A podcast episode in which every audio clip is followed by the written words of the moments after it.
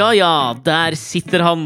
Podkastverdenens versjon av eh, Hva skal vi si? Podkastverdenens versjon av Alberto Giacomettis skulptur 'Den gående mann'. Ja, ok. Ikke, Ja. verst, eh, ikke verst startreferanse, det, eller? Å bli sammenlignet med en av skulpturhistoriens vasseste skulpturer. Jeg er ikke så eh, bevandret i skulptører. Nei, jeg så- Eh, fakt- ja, jeg- Vigeland kjenner jeg godt til. Gustav, altså. Ja, skulptører. Nico Widerberg, er det Ja. yeah, doesn't ring a bell. Eller Frans Widerberg. Hvem veit forskjellen på de to? Jeg så Ja, nei, denne her. Jeg så denne skulpturen uh, igjen. Jeg føler at det er en sånn skulptur man ser som uh, Litt som Sinnataggen. Du, den Ja, er i Hvilken skulptur er det det er snakk om? Den gående mann heter han. En veldig Aldri hørt om Den gående mann. Den veldig kjent, altså. Alberto Giacometti. Meg bekjent, tipper jeg, sveitsisk eh, skulptør. Må være vanskelig skulptur å lage, fordi at det, eh, det som er liksom implisitt i det å gå, er at du Mm. har ikke så mye bakkekontakt som når du står. Og en skulptur er jo en generelt ganske tung ting. Altså, det er, Mm. Ja. Jeg tror det er en grunn til at Sinnataggen, som står på eh, to tær, er ganske Mm. liten. Fordi hvis, jeg, hvis Gustav Vigeland har lyst til å lage en 30 meter høy Sinnataggen, så måtte det Det var veldig vanskelig at den ikke skulle ramle, tenker jeg. Impliserer også noe av den derre tullete Altså sånne gatekunstnere som liksom svever. Eh, de Ja. fins jo i bøttevis nå. Eh, og som eh, utrolig sånne Svever de ikke? Eh, Nei, altså det føler jeg er sånne glasset halvtomt-mennesker som skal liksom debunke eh, de gatekunstnerne. Bare gi dem det, da! Ja, Altså, de sånn, de, svever, svever. de svever faktisk ikke, altså. Det er bare en, eh, det er en stang som går inn fra den stanga han holder i, og så bare sitter han på den. Altså, da er du faen meg surmaga, altså, når du må debunke gatekunstnere. Eller når du føler at du må forklare til noen at han fyren der flyr ikke. Altså, da er du så nerd, da. Og å ja! Nei, han flyr Han ikke, nei! gjør han ikke det, nei? Gjør han ikke? Men jeg har at det er jævlig slitsom jobb. Og, og sit, fordi de sitter jo på sånne små metallplater, da, på en måte. Og der går vi inn i og gjør akkurat det. Nei, nei, nå skal jeg ikke debunke. Altså, dette er eh, La oss gå ut fra at ingen av lytterne tror at de faktisk flyr, da. Ja. Eh, så kan jeg si såpass som at eh, hvis du ikke har lyst til å gi dem penger fordi du tenker han flyr jo ikke, Mhm. så bør du gi dem penger fordi at det er innmari, innmari vondt å prøve å sitte stille på en sånn bitte liten metallplate, for den er veldig ustødig. Sånn at de får veldig ofte problemer i lavere del av korsryggen. Så av og til, så hvis du følger med over tid, så kan du se de tøye eh, noe de må gjøre jevnlig. Som meg. Ja, altså En ting som faktisk har, faktisk har fascinert meg med eh, akkurat gatekunst kan vi være enige om at det akkurat sånn skulpturgatekunst Sånn derre når du Som, som street performer, ja. så er det liksom eh, den mest ræva formen for street performing. ja, altså Det gir er meg ingenting. Nei, jeg tenker det det er litt sånn hvis du eh, på, på et eller annet tidspunkt når du, når du inngår i den stolte tradisjonen som er gatekunst, så Ja. velger du på en måte din eh, kunstneriske retning, på, ja. vil jeg tro. Og, og, og det Triks sånn med fotball. eh, Øv på å sjonglere. Gjør noe som jeg tenker wow! Ikke Ja, men- stå! Nei, men altså, jeg tenker, du, Man kan jo bli imponert over at noen kan stå veldig stille, men jeg vil jo, jeg vil jo tenke at Jo, for din egen, jeg- egen, for din Det er grunnen til at jeg foretrekker 100 meter sprint framfor maraton som underholdning. Og det er fordi at jeg har ikke lyst til å se på han i tre timer for å tenke 'wow, så flink han var til å stå stille'. Nå har jeg sett på han i tre timer. Jeg har lyst til å bli eh, sugd inn av noe spektakulært som skjer. Eh, kanskje de spiller fint på gitar, eller sjonglerer med noen baller, eller kanskje de har et piano og synger litt. Gi faen i hva det er, bare gjør noe! Ja, og så tenker jeg du må stille deg altså, i, I 2017 så må du Det er dette jeg elsker med denne podkasten! At vi nå kommer inn på gatekunstnernes eh, estetiske utvikling. Men jeg jeg har en så jævlig mye jeg har lyst til å prate om i ja, dag! men la, la meg bare først ta en liten ting på dette, da. Fordi okay. det jeg tenker som gatekunstner i 2017, så bør du stille deg laglig til for at noe kan skje i forbindelse med din gatekunstning som innbyr til Gatekunstning, sier du? Ja, som innbyr til eh, øh, sosiale mediedeling. apropos, apropos artig språk, visste du at det var Donald Trump som fant opp ordet fake? Det, det, det sa han i et intervju i dag. At, eh, han hadde ikke hørt det At folk hadde eh, kanskje brukt det tidligere, men eh, han trodde ikke det. Så han mener han har funnet opp. Men han, har, men, han har, men han har høyere IQ enn Rex Tillerson fortsatt. Ja, for de har utfordret hverandre til en Eller han har utfordret Tillerson til en IQ-kamp. Og jeg håper så inderlig at det skjer! Det hadde vært tidenes morsomste ting. Hvis det er ett løfte, ett jævla løfte Trump skal innfri, så er det å ta en IQ-kamp med Rex Tillerson. Ikke det at jeg tror nødvendigvis at Rex Tillerson har så ekstremt høy IQ. Nei, han har men, men hvis begge to lander på et slags sånn barneskolenivå, helt greit. Jeg driter i hvem som vinner. Jeg vil bare se Trump bæsje i buksa, liksom. Altså, Min eneste sånn referanse til IQ-tester i offentligheten er jo etter Baneheia-saken, hvor Jan Helge Andersen ble målt til en IQ på 84. Nå har det kommet ut en ny bok fra han Bjørn Olav Jahr, eller noe sånt, han journalisten som, som mener at Viggo Kristiansen er uskyldig. Ja. Men, men eh, jeg tror den store innvendingen mot det er jo at har Jan Helge Andersen med en IQ på 84 klart å iscenesette hele denne saken her for å frame Viggo Kristiansen? Men kan vi droppe å bruke liksom. IQ som argument i sånne typer ting? Altså, Hvor flink han er til å se mønster i gule og røde trekanter og firkanter, har ikke noe med å si Det har ingenting å si om hvorvidt han klarer å si 'det var han som gjorde det', eller 'jeg var ikke der akkurat da', og 'den kniven har jeg aldri sett før'. Altså, Og forskermiljøet, forskermiljøet er vel også generelt enige nå om at IQ har gått ut på dato som på mål på hvor intelligent eller hva du er. Altså det, det fins 12-13-15 forskjellige typer IQ, og da har vi ikke begynt på EQ engang. Så, sånn Vi er sett, alle mangefasetterte mosaikkmalerier av tidligere erfaringer, genetisk materiale og generell innsats. Eller også, også det, det på en måte, en, en, en skulpturell legering av forskjellige materialer, kan vi også si. For å, Ja, for aligne det med temaet i denne. Men la meg nå Bare bare, mens ta en her. Mens vi er her. Ok, jeg skal, jeg skal er her. tilbake bare til hva Bare minner minne meg på å gå tilbake til du gatekunstens estetiske jeg utvikling til 2017. Du, mens du har vært på jobb i dag, for du jobber og sånn, gjør du ikke det? Jeg gjør det. Ja. Så har det vært en pressekonferanse. Dette er Rex Tillerson. Okay. have expressed disappointment that I did not categorically deny calling the president a quote moron Fucking in moron. my press conference yesterday. Det kommer. I'd like to offer a clear denial now, along with a Nå skal han nekte for alt han har blitt påstått at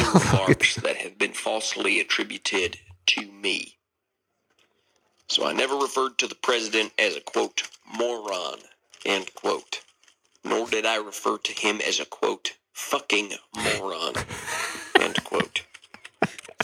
I never said that he quote wouldn't have lasted a day at Exxon end quote. I never remarked that he, quote, couldn't find Saudi Arabia on a map, even if that map were only a map of Saudi Arabia, end quote.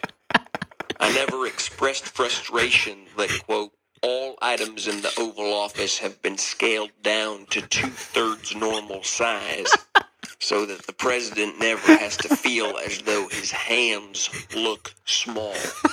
End quote. I never shouted, quote, Og det varer! enough about the damn electoral map, end quote. After 45 minutes of talking about the electoral map during a security briefing.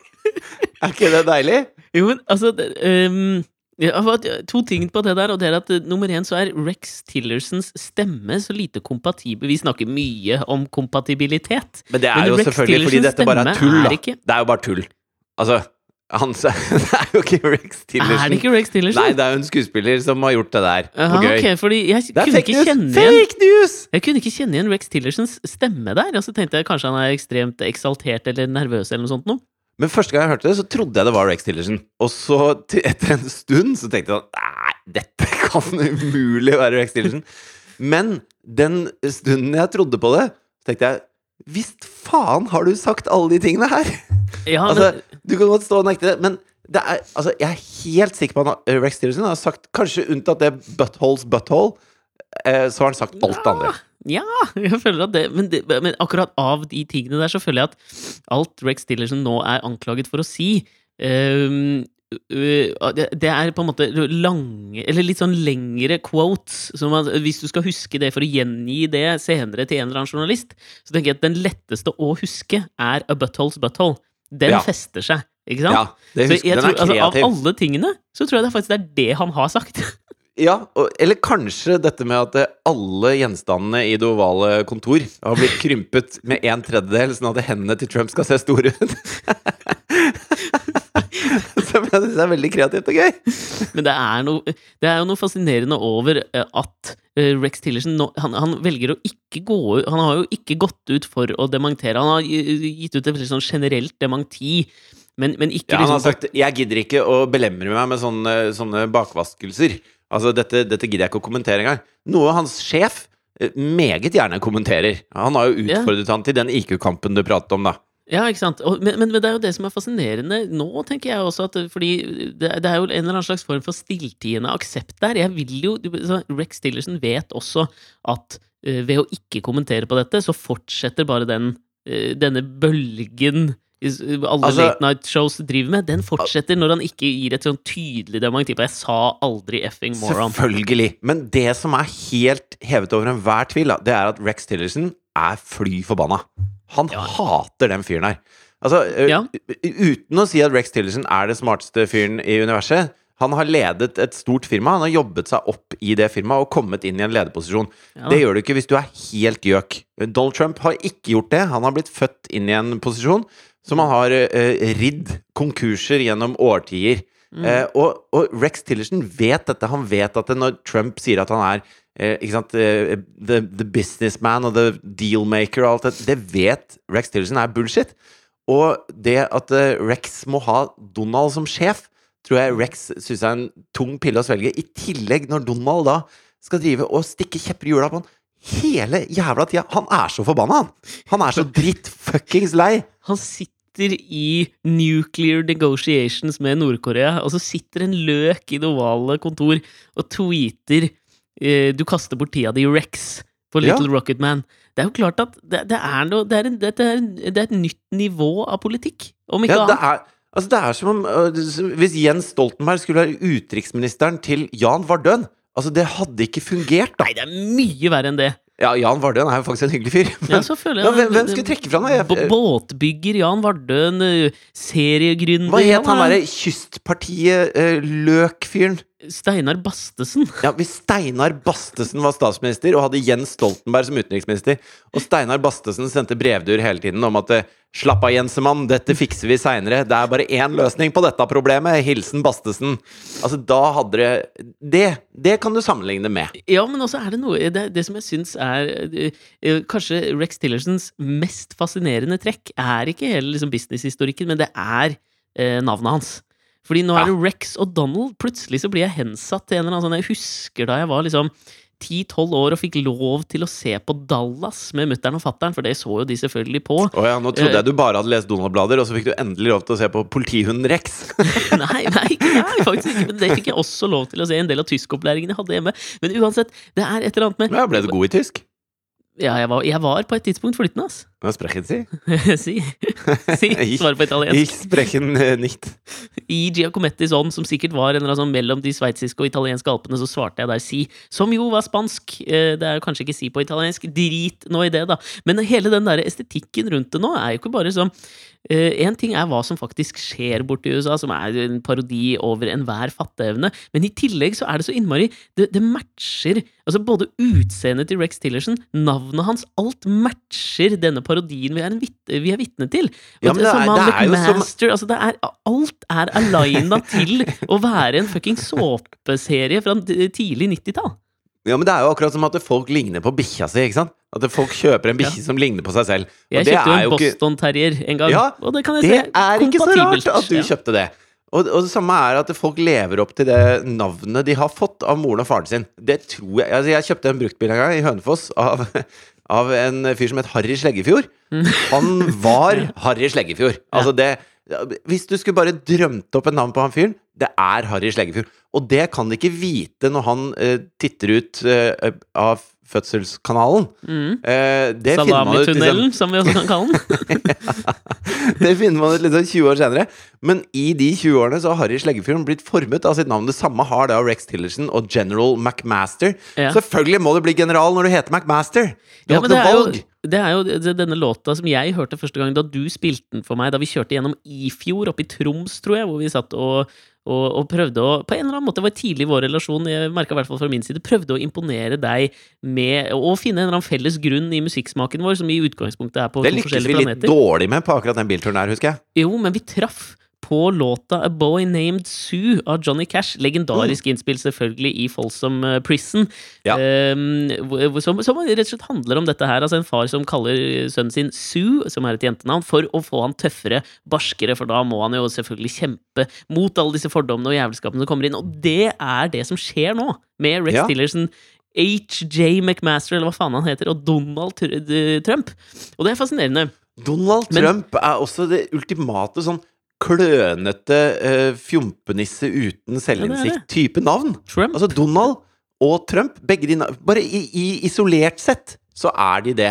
Men hvis vi, vi skal holde oss litt i, i, tematikken og i det landet vi er i nå, så har du sikkert fått med, deg- den store skandalen i USA som ikke dreier seg om politikk denne uka, er jo at den legendariske filmprodusenten Harvey Weinstein Ja. har blitt eh, anklaget for seksuell trakassering opp gjennom mange år av mange store, sku, sku, Mange skuespillere. tiår.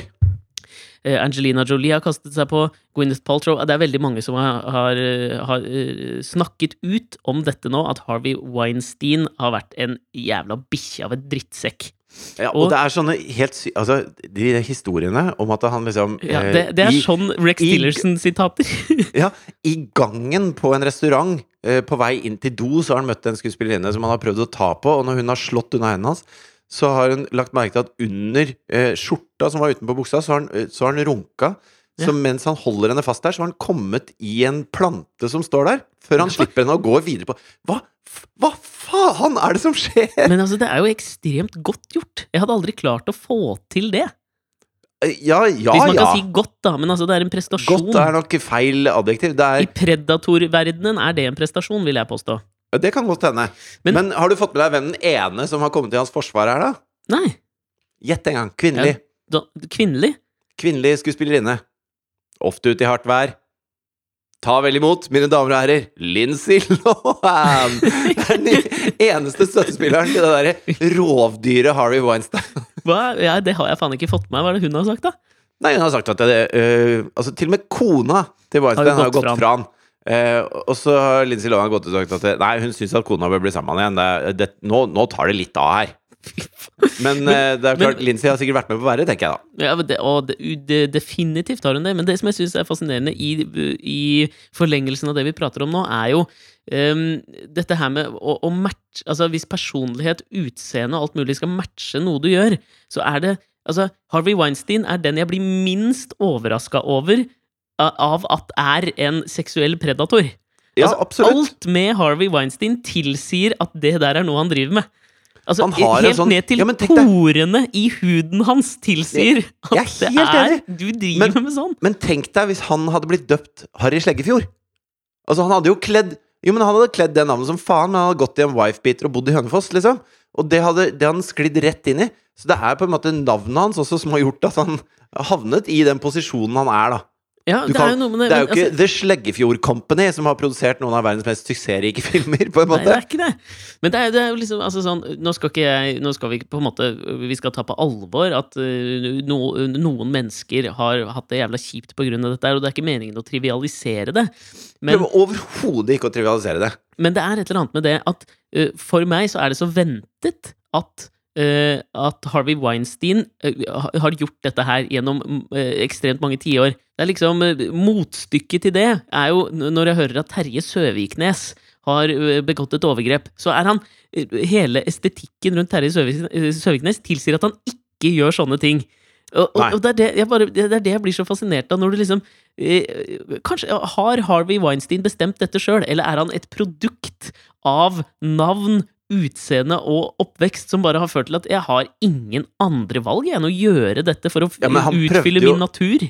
Han prøvde jo å si det som en slags unnskyldning. At jeg, eh, jeg vokste opp på 60- og 70-tallet, og da var dette helt vanlig, og jeg prøver å kjempe med mine demoner, og liksom Forretningskulturen var annerledes på den tida. Men det er jo jævlig rart da at det er millioner av mennesker som vokste opp på den tida der, som ikke ble noen jævla seksuelle rovdyr.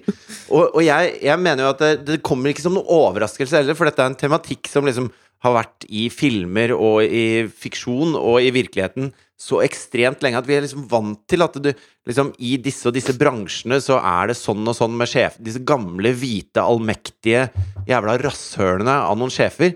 Og med, med Trump i spissen, da. Ikke sant? Du har ja. Roger Ailes du har, altså det, det er en lang, lang liste av det som ruller opp hele tida. Til og med fuckings Bill Cosby. Ikke sant? Ja. At det, innenfor disse forskjellige bransjene så er det sånn sjefene holder på. Og sånn at det, det burde jo ikke være noe overraskelse for oss når det blir rullet opp, men det er bare det er hvor grovt det er, og hvor, hvor lang tid det varer over. Og jeg gir da faen i om de er eh, på den ene eller den andre siden poli... Altså, de er bare noen rasshøl som som må tas ut av den maktposisjonen de er i, og sitte i fengsel for det de har gjort. Punktum Ja, ferdig det er jo ingen tvil, men det mors altså, ikke det morsomme, men det, det som er interessant med det, er jo liksom sånn type For eksempel Bill Cosby, det er ekstremt lite ventet, selv om han vel var Var han, var han øhm, Hva faen heter det? Vaginaldoktor? Hva heter det? Uh, ortoped? Nei, det er føtter. Gynekolog. Ja, var han ikke gynekolog da, i serien? Altså det... i, i The Cosby Show? Det, uansett, men han er det Du er mener at han planta en liten sånn En Et liten nugget? At det er en sånn da Vinci-koden innenfor uh, overgrep han la ut der i komiserien sin for 30 år siden? I så fall er den mest bestialske på en måte sitcom eh, Da Vinci-kode-merge eh, ever eh, created. Men uansett, for han så, så er det liksom Det er så lite forventa at det liksom slår ned mer som en bombe enn når Harvey Weinstein gjør det. Fordi Ja, det er jeg helt enig i. jeg tror ingen blir altså, sånn- Og det er jo jævlig synd, men jeg tror ikke liksom overraskelsen er så stor over at Harvey Weinstein har runka i en plante mens han holdt i puppa til en mindre kjent skuespillerinne. Jo, men akkurat at han står i gangen på restauranten og runker i planter, er Ja, overraskende ja, uansett hvem det dreier seg om. Ja, kanskje. Men av alle mennesker på jorden, så blir jeg minst overrasket over at Harvey Weinstein har gjort det. Men Jeg tror grunnen til at Trump har så store dresser, er at han har et sånt runkekogger under den, der, under den kjempedressen sin. Sånn at han kan gjøre det når han vil. At han kan lirke en sånn bitte liten hånd ned i buksa. Bare han har en liksom, kontinuerlig flashlight liggende inni de ekstremt vide buksene sine. Det tror jeg. Men jeg, jeg syns det var gøy jeg, Eller det, det, jeg leste um, Harvey Weinsteins uh, pressemelding, som jeg tror Eller om det var et intervju med New York Times, hvor han uh, sier selvfølgelig, i motsetning til Rex Tillerson, en uforbeholden beklagelse, selvfølgelig. Men så var det noe jeg beit meg merke i i det han sier, som jeg føler for amerikanere er et visst sånn tegn på at nå, nå er jeg på riktig retning videre. Eh, for han sier jo selvfølgelig unnskyld til alle som har blitt, who has been hurt by my actions.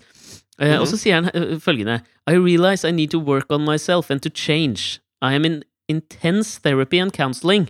Og så kommer det I don't know if I'm going to Europe for rehab. I really don't know where I'm going. Og akkurat det føler You're jeg going altså, to prison, ja, motherfucker! det, det er det. Altså, for, for meg så oppfattes det som en slags sånn At det legges mer tyngde på det hvis han reiser Altså, jeg skal, jeg skal utenlands. Jeg må, jeg må faktisk til Freuds hjemland, få, og det er jeg villig til å gjøre for å få bukt med mine indre demoner. Er Så sånn, stor er jeg! ja, og det, og det, for meg så det, Akkurat det irriterte meg liksom ekstremt mye når jeg hørte I'm, I, think I'm, I don't know if I'm going to Europe Som en slags unnskyldning, eller som en, som en slags sånn å, legge på et eller annet lodd av viktighet i terapien han gjennomgår. En han slags ansvarsfraskrivelse, bare for å Ja, for si han at han går til sånt- Europe. Han er nok et sånt produkt av et menneske som, uh, som uh, skylder på andre for hvordan han selv oppfører seg. Og han, sier, han sier også i den beklagelsen at han har så mye sinne, og han trenger noen å rette det sinnet mot, så nå skal han eh, lansere en kjempekampanje mot NRA, da, for å liksom renvaske altså, Han tror at dette dreier seg om han. Det dreier seg ikke om han, det dreier seg om ofrene hans. Det er de som skal få gjenoppreisning, det er ikke han som skal bygge sitt eget gode navn og rykte på nytt igjen. Han skal bare forsvinne i glemselens korridorer, og vi skal aldri mer høre fra han. Han skal sitte i fengsel for det han har gjort, og så skal vi hjelpe de han har skadet underveis. Jeg gir faen i Harvey Weinstein. Ja, men Jeg er enig, men det er fortsatt fascinerende at Harvey Weinstein og tror jeg liksom den gemene amerikaner eh, på et ubevisst nivå kjøper eh, Europa-argumentet hans som en eller annen slags form for ansvarsfraskrivelse. Og der må vi europeere ta vår del av skylden, for hva faen er det vi tilbyr her? Vi tilbyr et safe haven for seksuelle predatorer i pressemeldinger, for, bare for å påpeke, som en slags ansvarsfraskrivelse. Det er, tydelig, det er tydelig at Harvey Weinstein ikke fikk det eh, eh, 94-siders tegneserie-eposet fra Justisdepartementet som de sendte ut til eh, Somalia i 2014. Hvor det står litt om hvordan det er å være i Norge og Europa generelt. Det burde han egentlig fått. Da hadde han tenkt seg om to ganger før han reiste til Europa. Kan vi snakke bitte litt om det? Det har, det har irritert fettet av meg. For. Altså, for et par dager siden så kom det da Den norske legeforeningen som reagerte veldig sterkt på en tegneseriekampanje som Ja. Justisdepartementet har bestilt og sendt i eh, 48 000 eksemplarer til Somalia for å advare somalske flyktninger mot å komme til Norge. Skulle, altså, i- tegneserien skulle jo være en slags beskrivelse av når du som flyktning eller asylsøker eller hva, hva det nå, reiser til Norge. Hvordan blir du tatt imot, og hva skjer? Jo, men hele bakgrunnen der var jo å lage en slags sånn skremselspropaganda om hvor fælt det var i Norge. Og det var også akkompagnert av en liten TV-serie, et hørespill ja, og en TV-dokumentar. Men altså, det, holdt jeg på å si, grunnlinje, bunnlinjen her var at det er det som skulle bli presentert. Og i utgangspunktet, hvis du presenterer det, så tenker jeg at det er veldig bra å gjøre noe tilgjengelig på, for folk som kommer hit. Og så er det vel heller måten det er gjort på, som vi kan snakke litt om.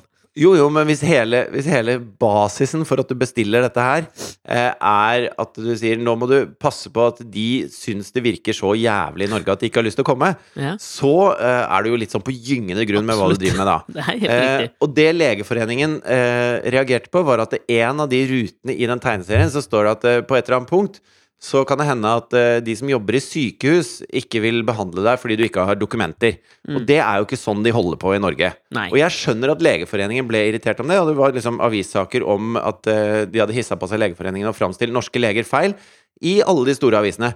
Men ingen av avisene i de sakene der sa hva, hva faen er dette for noe? For når du leser de andre rutene som er der, så er det sånn derre eh, Et bilde av en fyr som sier Som har en sånn snakkeboble hvor det bare er tegnet en banan, mens han peker på denne mørke innvandreren, og så sier han Hassan gets racially abused. Det er teksten på den.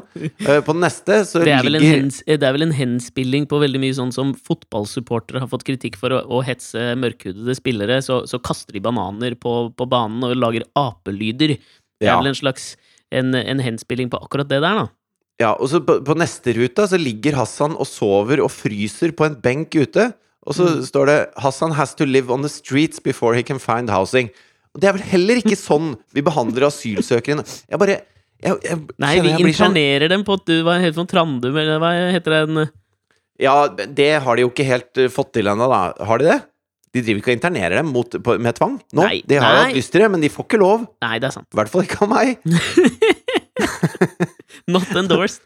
Nei, men, men jeg bare syns at det at den norske regjering betaler penger for å sende tegneserier eh, spekka med løgn ned til steder hvor folk har det helt for jævlig, for å prøve å si at 'jeg vet at du har mistet halve familien din', og at eh, du lever i konstant frykt nå og ikke har mat på bordet. Men her er en tegneserie om hvor ræva det er i Norge, så ikke tro at det fins noe bedre her! Ha det! Nei, men det, det, er det er fascinerende også å tenke på at uh, hvor ille Er det det skattepengene mine går til? Ja, men altså, hvor ille skulle den tegneserien vært før du hadde avskrekket noen som bor i Syria, da, fra å komme hit? Altså, jeg hadde jo tatt imot racial abuse og sovet litt på en benk any day, framfor å bo i et jævla bomberegn! Ja, og så står det At one point the staff at a hospital may refuse to attend him for lack of documents. At one point er så bra for en syrer, det! Det er bare Hvis det er en mikroskopisk sjanse for at det fins et sykehus som kan hjelpe meg, så drar jeg.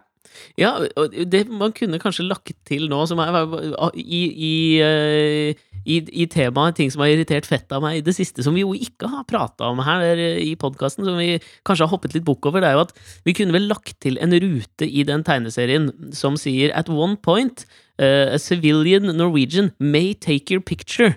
Uh, altså Nå snakker jeg selvfølgelig om Human Rights Service sitt nye blogginnlegg, fordi Ja. det er jeg definitivt oppsatt på å kalle det. En jævla blogg.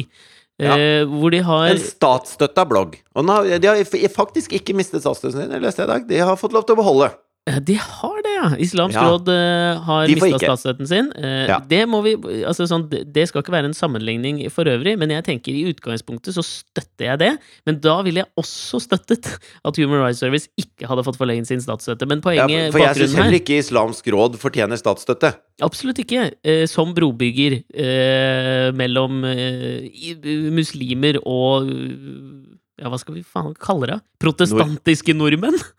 Nei, men, men altså Følte meg ikke hjemme i den beskrivelsen, altså. Nei, Islamsk råd har jo fått statsstøtte for å eh, hjelpe til med integreringa. Og de gjør en like god jobb som vår kjære integreringsminister på akkurat den fronten, syns jeg. Og Da. Human Rights Service i den uh, forbindelse, da. Altså, det er jo, Nettopp. bakgrunnen for dette, for dere som ikke har fått det med dere, er jo at Human Rights Service har skrevet et blogginnlegg og har oppfordra sine lesere til å ta bilde av eh, utlendinger.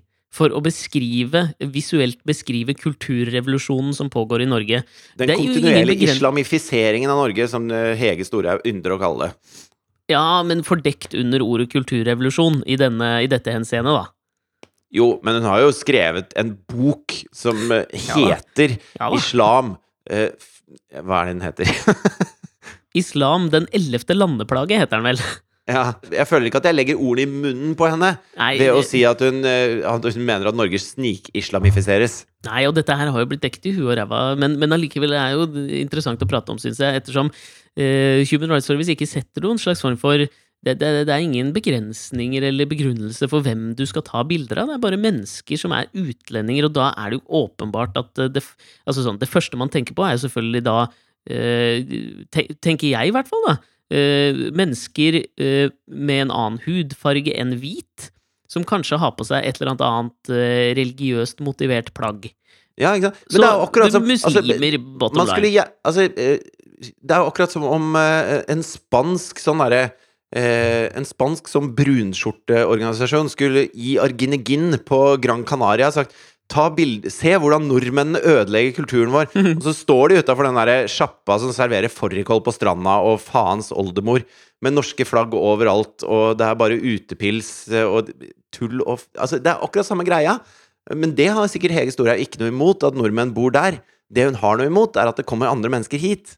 Ja, det er fascinerende hvis, hvis begrunnelsen, tenker jeg, da, for at eh, Nå har ikke jeg eh, sett begrunnelsen for hvorfor Human Rights Service får lov å beholde sin statsstøtte, men hvis begrunnelsen for at Islamsk Råd Norge mister sin statsstøtte, er at de ikke fun lenger fungerer som den brobyggeren og integreringsmekanismen, eh, så vil jo jeg påstå at ved å lansere en, en visuell dokumentasjon av kulturrevolusjonen som foregår i Norge, uten noen slags form for begrensninger, i stor grad eh, også fungerer eh, mot eh, målet som brobygger og integreringsmekanisme. Så det, likhet for loven føles der ikke ivaretatt for meg. Nei, og det, altså, hele poenget Altså, jeg tror forskjellen på det oppdraget som uh, Human Rights Service har versus uh, Islamsk Råd, da, er at Islamsk Råd uh, skal, som du sier, sørge for brobygging, mens Human Rights Service har en slags sånn vitenskapelig tilnærming. De skal se De skal gjøre empiriske eh, undersøkelser for å finne ut av eh, hvilken påvirkning innvandring har på det norske samfunnet. Problemet er jo at det er som å få Vålerenga At du sta, statsstøtter Vålerenga-klanen for å forklare hvorfor Lillestrøm er en bra fotballklubb, liksom. Altså, det funker ikke, da. Fordi at de er så jævlig forutinntatt. Med, altså, de har bare ett budskap de har lyst til å bevise. Så da, da uh, henter de opp all den forskningen de klarer å øh, ljuge seg til, Mm. som understøtter sitt poeng, og så tar de bort alt det andre. Nei, jeg er helt enig, og dette her er vel for- fort gjennomsnakka også, men jeg følte at vi måtte innom der i, uh, i segmentet 'Dette irriterer fettet av meg'. Men det er vi vel Men en ting som jeg eh, Hvis jeg er der, da, Ja. som, som jeg ikke helt forstår ja? Altså, uh, det som skjer i Spania nå Jeg, Ja. jeg er bare nødt til å klare å få huet mitt rundt dette her. Ja. Fordi at det, det er altså Catalonia, som er da med hovedsete i Barcelona, Mm. som har lyst til å frigjøre seg fra resten av Spania. Det er noe de har hatt lyst til primært siden Franco, som var denne diktatoren som var der nede, som behandlet katalonerne, og baskerne for den saks skyld, som et helvete. Og spanjolene for den saks skyld, da. Men det, det, det er for en annen diskusjon. Mm. Men så dette er da eh, separatister, på lik linje med ELA i Baskeland eh, har vært separatister, og er det sikkert fremdeles. De bare er ikke så voldelige som de var på 80- og 90-tallet. Mm, mm. Jeg eh, sliter med å sette på en måte separatister i en bås, at vanligvis så er det på en måte høyreekstreme krefter som vil ut av et, eh, av et slags land eh, og, og danne sine egne nasjoner. Og i Catalonia sitt tilfelle så, så på en måte sier de at de har blitt behandla så dårlig av Spania gjennom Franco og i kjølvannet av det. Mm. Samtidig så har de fått en god del selvstyre der, og de er en region som går veldig, veldig bra. Så en annen begrunnelse er at de sier at vi, vi sponser de fattigere delene av Spania med for mye penger, for vi er de som egentlig tjener penga her. Mm. Og det er en ikke fullt så sjarmerende grunn til å melde seg ut av en nasjon. Eh, så jeg sliter litt med å forstå helt hvorfor det er så jævlig viktig for dem. Hvis det er det pengeargumentet, så klarer jeg ikke helt å stille meg bak med på en måte Da, da syns jeg det er litt dårlig. Det er som at det, alle som tjener mer enn 800 000 kroner, har lyst til å lage en e- egen nasjon i Norge, for de syns det er dumt at skattene går til å bygge skoler og veier for fattigfolk. Mhm. Og det er ikke noe jeg med en gang sier Ja, men det forstår jeg godt, gutten min. Da gjør det. Ja, men Ehm. jeg, jeg, jeg, jeg føler at du her setter eh, fingeren på pulsen av det som gjør eh, akkurat konflikten i Spania nå litt uhåndgripelig. Det gjør den for meg også. I utgangspunktet så, så eh, bør man respektere Spanias selvstyre. Altså det, det Folkerettslig er det vel ikke noen eh, automatikk i at hvis du bare har lyst til å rive løs en liten del av et land, så kan du gjøre det. Eh, og, og det som er fascinerende med det, er jo at nettopp den der, den, den offentlige diskusjonen rundt dette har ikke nådd de derre i hvert fall ikke i Norge, har ikke nådd de der høydene hvor noen på en måte tar til veldig orde for enten at, må, eh, at Catalonia må eh, være i Spania, eller noen har tatt noe veldig til orde for liksom sånn vi, vi støtter denne separatistbevegelsen, herregud, hør her er argumentene for hvorfor. Og det gjør at liksom hele konflikten for meg også blir litt sånn Den er litt uinteressant. Jo, men, jo, men samtidig, ja, det jeg syns er interessant, er at ikke sant, hvis du tar andre separatistbevegelser, da, som f.eks. Mhm. serberne og sånn, Ja, så var det liksom en, en sånn tydelig sånn skurkebilde for meg, når serberne skulle Ja, men slakte er bosnerne. Ja, men det er nettopp Og så- det. Det er ingen tydelig der, skurk her. Nei, men så har du den litt sånn wishy-washy, sånn Skottland, bare fordi de syns britene er duster, liksom. Ja. Eh, Hvor jeg var litt sånn Ja, men er ikke det gøy, ja, hvis Skottland bare, Bare gir, faen i, gir faen i dem? Eh, og, sånn at det, det er vanskelig Og jeg, jeg forstår at det, eh, sånn som grenser er trukket rundt omkring, da Altså Hvis du tar eh, Afghanistan, som er eh, et Mhm. ganske mye hardere klima enn Spania, Mm. i hvert fall foreløpig, eh, så har du et sånt område som er eh, eh, pars, pashtunene, Mm. som bor nord i Afghanistan Mm. og, og sør i eh, Pakistan. Mm. De er på en måte en egen gruppe. De, de driter i den grensa mellom eh, Pakistan og Afghanistan, fordi at de ser seg selv som ett folkeslag. ikke sant? Mm. Og det er pashtunene som er utgangspunktet for Taliban og hele den bevegelsen der, Mm. eh, både i Pakistan og i Afghanistan. Mm. Så kanskje ting hadde vært mye bedre hvis man ikke hadde delt eh, landet til pashtunene i to, da. Men latt de ha et eget land som de kunne styre, ikke sant. Så i Midtøsten så er jo Ikke for å være Men er ikke det uh, liksom langt tilbake Pash, Pashtunistan? Det høres tullete ut, men det var vel jeg, det? jeg vet ikke når Pashtunistan eksisterte. Der, der, der kommer jeg til kort. For å si. det, det lærte ikke jeg på skolen. Nei, jeg, jeg mener det. Ja, uansett. Men ikke sant, du har jo Kurdistan har akkurat samme greia. Ikke sant? De fins ja, i Tyrkia, de fins i. Irak, de fins i Iran. Og, og de, de er jo også De har også lyst til å være sitt eget land. Og de eh, De blir jo sett på som en eh, terroristgruppe av, eh, av Tyrkia. Mens store deler av vestlige verden syns at de er veldig flinke nå til å slåss mot IS. Og vi tenker ja, men kan Mm. ikke kurderne få lov til det? Mm. Men allikevel, jeg, jeg kjenner ikke dette godt nok. Jeg bare syns det er fascinerende at vi har i 2017 at vi har en så jævlig sterkt behov for å ha en tilhørighet til en nasjon, når vi ikke prater med folk som er rett rundt oss lenger. Ja, ja, jeg er til dels enig i det. Jeg tror, jeg tror ikke jeg har Jeg har i hvert fall ikke den der nasjonalfølelsen overfor Norge som gjorde at hvis, hvis Finnmark og Troms bestemte seg for at vi har lyst til å danne vårt eget land, så hadde jeg nok vært veldig medgjørlig og sagt ja, ja, det er, Ja, det er greit. ok, Det er greit. Gjør, gjør det, da. Ja, og, men, men det, det, det jeg syns liksom Men hva hadde du tenkt hvis samene nå sa at vet du hva, nå er vi lei. Nå, nå har det vært liksom århundrer med det tullet deres. Så nå tar vi denne biten av Russland, denne av Finland, denne av Sverige og denne av Norge, og så er det sameland. Ja, greit. Ok. Ja, ja, Det er greit. Dere har hatt det kjipt ganske lenge, det forstår jeg. Men, men fordi det er akkurat her eh, Vi har blitt så vant til det høye konfliktnivået i internasjonale relasjoner. Kanskje spesielt etter at Trump ble president, så er det så veldig Det er en veldig tydelig på en måte pro og con. Og man kan identifisere dem man mener er skurker og snille, og det har gjort det veldig lett for oss å på en måte relatere til forskjellige konflikter rundt omkring i verden også. Men Mhm. akkurat i, i, i Spanias case, så, så, så er det så jævlig Uh, Og nå, nå er det jo dette sikkert fordi vi ikke er beleste nok, eller whatever, men jeg tror dette her er en, eh, en fellesnevner for veldig mange. Og jeg mener at den offentlige diskusjonen bærer preg av det, nemlig at i uh, Spanias case så er det liksom Det er ingen tydelige det er ingen Trumper, det er ingen Rex Tillersoner der. Og for, for oss da, så blir det så eh, lite håndgripelig. Og man har jo alltid lyst til å ta side. Det jeg tror det er jævlig menneskelig. ikke sant? Du har lyst til å liksom heie på noen. I Ja. Spania jeg, jeg bare heier på at nå tar vi det med ro, folkens. Og så Ja, gjør altså, vi det ble som bare er greit for alle. Jeg kjente sånn For min del da Så var det veldig tydelig når politiet drev og banka opp gamle damer som prøvde å stemme. og sånn Da var jeg veldig sånn Hei, hei, hei! Ah, Hva er det dere driver med? Ja. Men så dagen, eh, noen dager etterpå så var det en demonstrasjon eh, hvor eh, spanjoler da eh, Både fra eh, liksom Spania, men også i Barcelona demonstrerte for å fortsette å være en del av Spania. Hvor eh, det var ikke bare var det 350 000 mennesker som støt, støtta opp om den demonstrasjonen, eller som Mm. var der. Så man tenker at ok, men det er, dette er ikke done and dusted, liksom.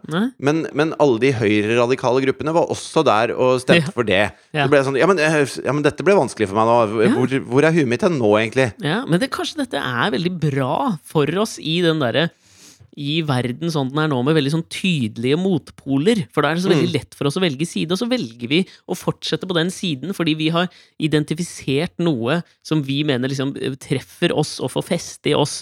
Og der er det i, i Facebook-algoritmens eh, vrede òg, så får vi bare dette bekreftet om igjen og om igjen. Så kanskje liksom sånne konflikter som det som skjer i Spania nå, er veldig bra for å klare å Uh, å ja, her, kan vi, her kan vi begynne nå å jobbe med å se saken fra to sider, noe som er totalt fraværende i den sånn generelle offentlige debatten. Ja, og det, og det er noe eh, jeg har Dette har vi jo snakket om mange ganger før, men, men eh, man har jo lyst til å utfordre seg selv til å ikke bare hoppe til sitt sånn default eh, Ja. Sin default-posisjon i alle konflikter. Eh, og det er veldig, veldig vanskelig, og jeg lurer på om det har blitt Altså for min del, da. La oss si at mennesker har en kjempetrang i i oss, alle sammen, til, for tilhørighet. Mm. Ikke sant? Og eh, vi i Norge er en nasjon som har det såpass bra at vi føler ikke at vi trenger å hente tilhørighet eh, av en sånn oss mot dem, eh, i hvert fall ikke du og jeg og, og eh, mange jeg kjenner, oss mot dem i forhold til hvilket land man er fra. Ja. Altså man, vi har mye større tilhørighet med en side i politikken, eller en sjanger innenfor musikk, eller ikke sant, hva, hva vi syns er morsomt av humor, eller hva vi syns? Det, er, det er mange steder jeg føler at jeg har tilhørighet, da. Mm. Og kanskje det er det som er Facebook sin genistrek, er at de har skapt en, en grenseløs nasjon eh, hvor hvis du syns en ting er morsomt, hvis du syns en politisk retning er den eh, som henger mest på greip, hvis du liker en bestemt type musikk, så klikker du på de tingene på Facebook, og da plutselig bor du i en Facebook-nasjon med bare folk som er enig med deg. Så du får din egen oss mot dem inni den lille Facebook-nasjonen. Så det er kanskje det for oss i i-land, som ikke lenger eh, har behov for oss å hylle flagget hver morgen, at, at det, Facebook har knekt koden på å gi oss den tilhørigheten vi trenger, med et mangfold av mennesker.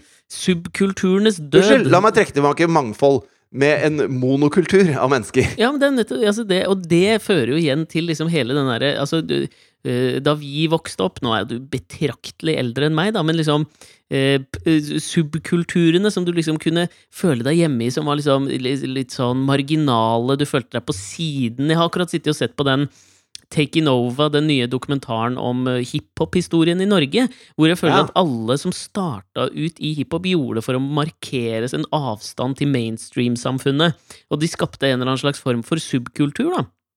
Og den er jo helt borte, fordi øh, hvis du befinner deg inni i denne grenseløse nasjonen, eh, grenseløse algoritmenasjonen, så vil det uansett ikke føles som en marginal subkultur, det du, det, du på en måte abonnerer på. Fordi du møter bare likesinnede hele tiden.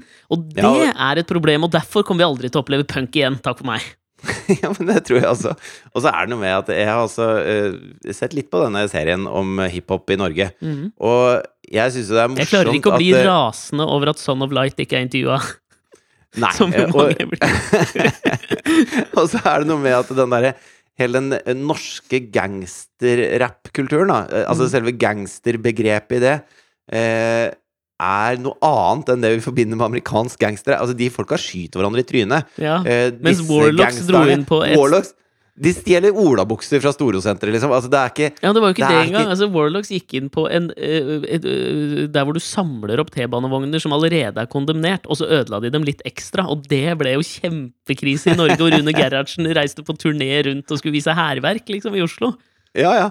Så det blir Alt er sånn småskala når det er i Norge. Og nei, klovner i kamp er ikke ordentlig hiphopere og, og ikke sant? Altså, det- er så veldig gøy. Nei, at, og så er jo vår erkenemesis Oral B jeg intervjua, jeg har har ikke kommet dit ennå, Altså, grand old man innen norsk hiphop. Det var han som tok vestkysten inn. ja. Og jeg, var, jeg kjenner jeg blir så matt, ass. Og det er ikke fordi jeg ikke liker hiphop. Jeg, jeg, jeg gjør det. Ja, Nå hadde Eh. du tenkt å si 'jeg elsker det', men så fant du ut nei, det gjør jeg faktisk ikke. Jeg synes det er helt Nei, greit. jeg, jeg liker en del hiphop. Men det er sikkert den hiphopen som uh, de hardeste hiphop-elskerne ikke er så innmari glad i, da. Ja, den som ikke er Eh, real. Ja, den som er litt sånn Ja, den som, den, den som jeg liker. Ja. Altså, jeg er en 40 år gammel mann med to barn. Jeg liker hiphop. Da er det helt tydelig at jeg liker ikke at folk skyter hverandre i fjeset. Jeg liker en god låt med en fin tekst.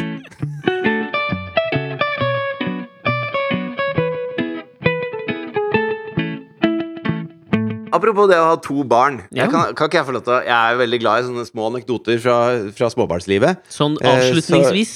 Ja, litt sånn altså, Jeg har bare lyst til å Jeg vil jo ikke at denne podkasten bare skal dreie seg om hva barna våre gjør. Men, men det er fint å ha det med, tenker Ja, ja. jeg. Så, så da, da kan vi ha en litt sånn avslutning med det. Ja. Eh, fordi Thea har eksilert med et par, par små anekdoter siste uka som jeg hadde lyst til å ha her, da. Mm. Eh, eh, blant annet så har hun fått seg en jobb. Fordi oh. at hun, ja, hun har jo hatt så lyst på eh, dyr. Og så har jeg foreslått at kan du ikke begynne som å, å gå tur med hunder i nabolaget? Sånn at du kan kjenne litt på det å ha ansvar og sånne ting før vi går videre på det å ha dyr. For det er faktisk et ansvar. Så hun har rett og man- slett blitt dogwalker? Hun har blitt dogwalker. Og eh, hvis man ombestemmer seg, da Hvis det ikke var så fett å ha bikkje etter tre år, liksom, så kan man ikke Da, da har man den bikkja, og da Mm. må man ta ansvar for den bikkja. Og derfor ville jeg at hun skulle kjenne litt på det før hun var helt sikker på at det var noe, vi skulle, noe hun hadde lyst til. Så vi fikk en jobb hvor hun går tur med en søt liten hund, og det går veldig veldig bra. Og da er hun nødt til å liksom styre med nøkler, og det er litt opplegg, ikke sant? Det er litt ansvar involvert her. Og så en, eh, en kveld, sånn i titida, så ringte telefonen min, og da eh, Hun som eier denne hunden, Ja. sto da på McDonald's og kom seg ikke inn hjemme, for det var ikke noen nøkkel under dørmatta. ja. Og så sier jeg å, shit, ja, nei, da skal jeg prøve å finne en Thea sover jo selvfølgelig. Men uh, hvor er den? Nei, hun står rett utafor. Kom, kom opp hit. Så hun kom inn her. Mens jeg var oppe på rommet og lette etter den jævla Var hun kompatibel til eierne, sånn utseendemessig? Uh, ja da, lite grann så.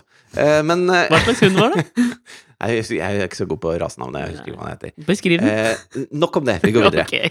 I hvert fall, jeg finner ikke den fuckings nøkkelen, og leter gjennom liksom alt jeg kan komme på. Og så til slutt så vekker jeg Thea, eh, og så sier hun ja, la den under dørmatta. For Ja. hun er jo i Ørska, ikke sant? Eh, og så sier jeg nei, men eh, hun har vært hjemme og sett under dørmatta. Og hun har sett under alle dørmattene i hele oppgangen, så du, du, den er ikke der, liksom. Mm. Jo, jeg gjorde jo det! Og så er hun sånn utrolig bastant på det.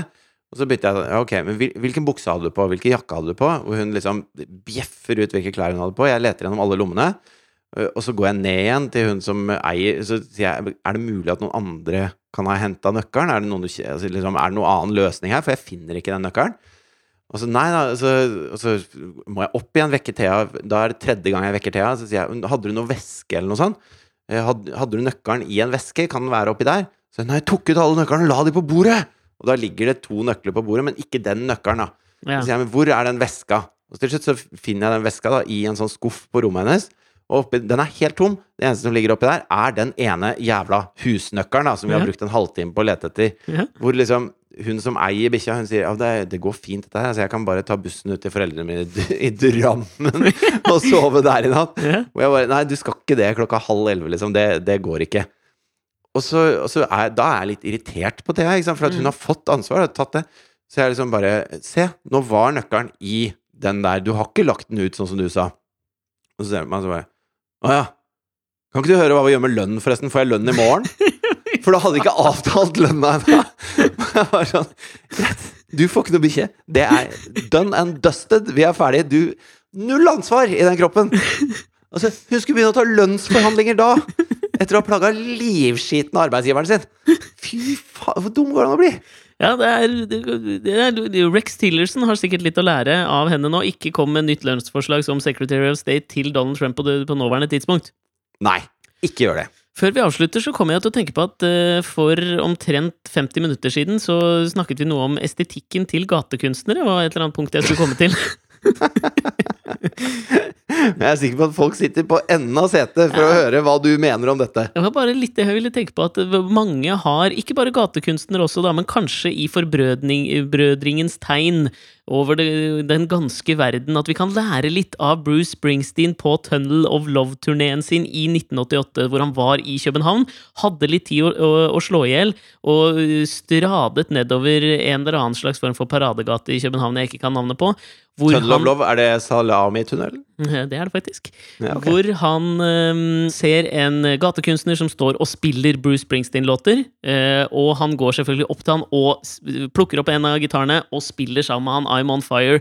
Hvor folk strømmer til. Og denne gatekunstneren får jo selvfølgelig the time of his life. Og det er der, det er der vi skal ligge gatekunstestetikkmessig også. Du må stille deg laglig til for den typen hogg.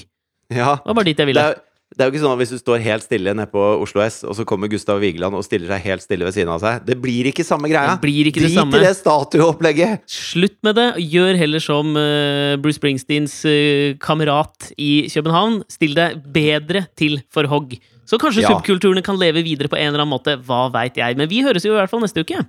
Kanskje vi ikke må på Facebook for å finne tilhørighet, da, hvis man er litt mer utagerende i gatekunsten sin. Finn tilhørighet i denne podkasten. Spre den til den lille subkulturen du føler fortjener dette, denne auditive timesnytelsen hver uke. Og med de velvalgte ordene sier vi ha det. Adjø.